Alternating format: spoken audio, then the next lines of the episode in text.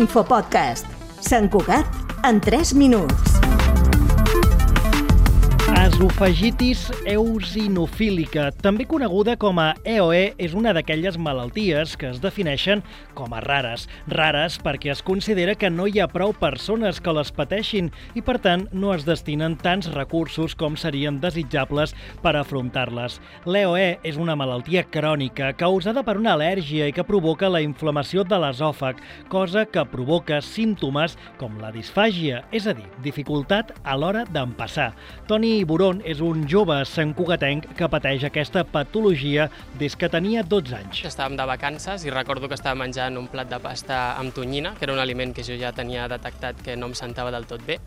Llavors aquell dia em vaig decidir a dir als meus pares, perquè jo sóc una persona massa reservada, que això no em sentava bé perquè notava una mena de contraccions a l'esòfag quan la menjava al cap d'una estona i llavors eh, vam decidir anar al metge. I llavors vam anar a diversos llocs i després de moltes visites em van acabar diagnosticant a l'Hospital de Sant Joan de Déu l'esofagitis eosinofílica, la EOE. Un dels grans problemes que es troben les persones que pateixen l'esofagitis eosinofílica és que no hi ha un tractament universal. En el meu cas vam començar a fer restricció d'aliments, que és anar traient grups d'aliments per veure si l'esòfag es desinflama, i llavors cada vegada que me'n treien un, al cap d'un temps em feien una endoscòpia, que és una prova que consisteix en ficar un tub amb una càmera per, per l'esòfag per veure el nivell d'inflamació. Uh, clar, és una, és una prova que uh, requereix anestèsia total, com a mínim en el cas dels nens, i llavors és una mica invasiu. A mi m'ho va, van anar fent moltes vegades, però no trobàvem una solució bona, fins que vam provar diversos medicaments també, alguns no van funcionar i al final vam donar amb la medicació que prenc a dia d'avui, que em funciona molt bé. Aquesta malaltia també afecta l'entorn de qui la pateix directament. Ho explica la mare de Toni, Cristina Palau. Hem passat per totes les fases perquè és una malaltia que emocionalment és molt difícil de portar. De fet, el Toni era un nadó, nosaltres no sabíem què li passava, imagino que com molts nadons vomitava molt, plorava, eh, però com us ha dit ell, fins als 12 anys no li van detectar què tenia en realitat. I com diu ell, quan ja saps, tens un, un diagnòstic, eh, tranquil·litza.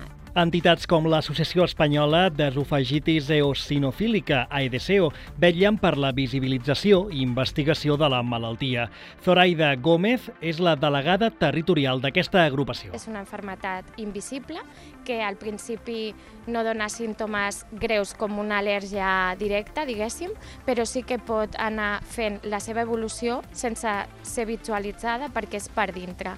Llavors, què passa? Que arriba un moment que aquestes persones estan patint molt moltíssim i el seu esòfag, que és on directament afecta aquesta enfermetat, pues, està molt, molt danyat i s'ha fet com una fibrosis, que fa que l'esòfag sigui molt petit i l'aliment no en passi. Aquest dissabte 21 d'octubre, AEDCO organitza un congrés nacional sobre la malaltia a l'Hospital Sant Joan de Déu, adreçat a famílies i professionals. A la tarda, el recinte modernista de Sant Pau acollirà un concert benèfic per recaptar fons per a la causa. Infopodcast és una coproducció de Ràdio Sant Cugat i la xarxa.